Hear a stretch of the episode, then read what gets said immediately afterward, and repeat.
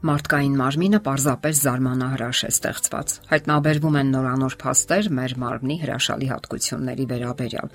Դրանցից մեկը վերաբերում է մեր ուղեղին։ Պարզվում է, որ ուղեղում գոյություն ունեն պահապան բջիջներ, բջիջներ, որոնք պաշտպանում են ուղեղը ինֆեկցիաներից եւ վնասվածքներից, ինչպես նաեւ կարևոր դեր են խաղում նեյրոնների միջև կապերը կարգավորելու գործում։ Այս հայտնագործությունը կարող է լույս սփռել այնպիսի հիվանդությունների պատճառագիտության եւ զարգացման մեջ, ինչպիսիք են աուտիզմը, շիզոֆրենիան, դեմենցիան։ Ենթադրվում է, որ այդ հիվանդությունները կարող են առաջանալ այն ժամանակ, երբ խախտումներ են սկսվում այդ բջիջների աշխատանքում։ Բջիջներ, որոնք ներգրավված են նեյրոնների կապերն ապահովող գործընթացում։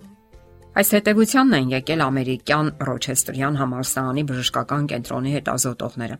Արդեն վաղուց այն կարծիքն էր տիրում, որ ուղեղում կապերի կազմակերպման գործընթացը կախված է բացառապես նեյրոններից։ Նոր հետազոտությունները ցույց են տալիս, որ այդ կապերի ճիշտ ձևավորման եւ քայքայման համար անհրաժեշտ է մի քանի տարբեր տեսակների բջիջների սահուն եւ ներդաշնակ փոխհամագործակցություն։ Այս կարծիքին է վերոհիշյալ բժշկական կենտրոնի հեղինակներից մեկը՝ նեյրոկենսաբանական բաժանմունքի դոցենտ Աննա Մաժևսկան։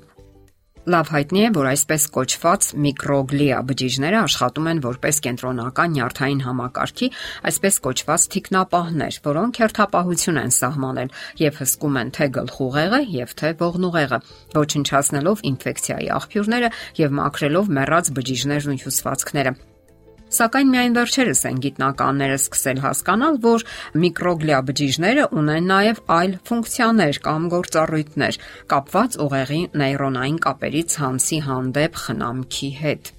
Նեյրոնային կապերի ձևավորումն ու քայքայումը անհրաժեշտ է առողջ ուղեղի համար։ Նոր նեյրոնային ցանցերի եւ ուղիների ստեղծումը թույլ է տալիս ուղեղին սովորել եւ հիշել նոր տեղեկատվությունը։ Հետազոտության հեղինակներից մեկը Ռեբեկա Լոուերին գրում է. Ուղեղի նեյրոնային ցանցը կարելի է համեմատել այգու հետ։ Իհարկե անհրաժեշտ է, որ այգին խնամեն եւ նա ունենա հիանալի միջավայր, սակայն կարևոր է նաեւ ժամանակ առ ժամանակ կտրել մեռած ճյուղերը եւ հեռացնել աղբը, որpիսի նոր ծաղիկները կարողանան աճել։ Հետազոտության հեղինակները փորձեր են կատարել մկների վրա եւ հետաքրքիր փաստեր հայտնաբերել։ Հայտնի է, որ եթե կենթանիները վաղ տարիքում զրկվում են մի աչքի տեսողությունից, ապա ուղեղում նեյրոնային կապերը վերակազմավորվում են եւ հարմարվում մուտք գործող տեսողական ինֆորմացիայի փոփոխություններին ուսումնասիրելով այն մկների ուղեղը, որոնց վաղ հասակում զրկել էին երկու աչքով տեսնելու հնարավորությունից, գիտնականները հայտնաբերեցին, որ միկրոգլիայի բջիջները ֆիզիկապես հեռացնում էին որոշ նեյրոնային կապեր, միմյանցից անջատելով նեյրոնները, ընդ որում նրանք ձեռք չէին տալիս մյուս կապերին։ Այդ բջիջները համարյա թե նույն ձևով էին արձագանքում նաև ուղեղի ինֆեկցիաներին եւ վնասվածքներին։ Նրանք անմիջապես ակտիվանում էին ճանապարհ էին գտնում դեպի ախտահարված հատվածը, արագ հեռացնում մահացած կամ ախտահարված հյուսվածքները, առանց դիպչելու առողջ հյուսվածքներին։ Այս արդյունքները կարող են parzabanել այնպիսի հիվանդությունների զարգացման մեխանիզմները, որոնք առաջացնում են զգայական եւ ճանաչողական խախտումներ։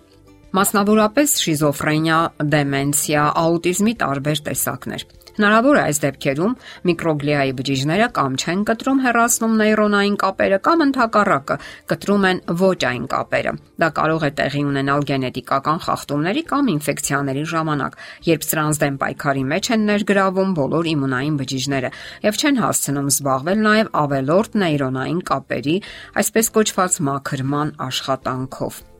Ուրեմն ինչպես պահպանել եւ զարգացնել ուղեղի բջիջները։ Բուրդենկոյի անվան նեյրովիրաբուժության գիտահետազոտական ինստիտուտի դոկտոր նեյրովիրաբուժական ընկերությունների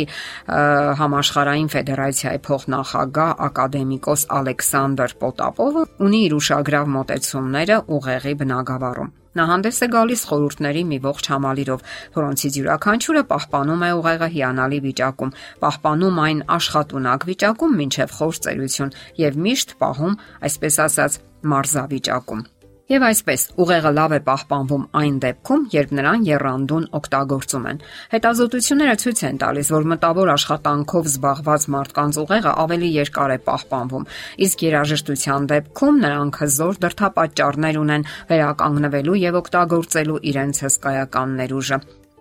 Նույնիսկ ծեր տարիքում նրանք շարունակում են զբաղվել ստեղծագործական աշխատանքով եւ նոր աշխատանքներ ստեղծել։ Հիանալի օրինակ է Ալֆրեդ Շնիտկեն, ով 3 ինսուլտից հետո անգամ կարողացավ շարք վերադառնալ եւ զբաղվել իր սիրելի գործով։ Ակադեմիկոս Պոտապովը խորհուրդ է տալիս նաև զբաղվել սպորտով, սակայն ոչ մի դեպքում այնպիսի մարզաձևերով, որտեղ արկա է վնասվածքներ ստանալու հնարավորությունը կամ այսպես ասած կոնտակտային մարզաձևերը։ Օրինակ բոքս, որտեղ գլուխն անընդհատ հարվածներ է ստանում։ Նա անթույլատրելի հիմարություն է համարում գլուխը հարվածների տակ դնելը։ Նույնը վերաբերում է մարտարվեստներին եւ այլ էքստրեմալ մարզաձևերի։ Իսկ ահա շախմատը օգնում է ուղեղի աշխատանքին, մեծացնում նրա հնարավորությունները, ավելացնում ծավալը, ինչպես նաև տրամաբանական եւ վերլուծողական հնարավորությունները։ Նույնը կարելի է ասել ընթերցանության մասին։ Մշտապես գիրք կարդալը եւս պահպանում է ուղեղի հնարավորությունները եւ մտավոր կարողությունները։ Հարկավոր է պարզապես ընտրել լավորակ գրականություն։ Հենց միայն Աստվածաշունչը կարդալը կօգնի ճանոթանալու Աստծո հայտնությանը եւ մտորելու հոգեվոր հարցերի շուրջ։ Նաև պատկերացում կկազմեքին աշխարհի պատմության մասին, ինչն իսկապես շատ հետաքրքիր է։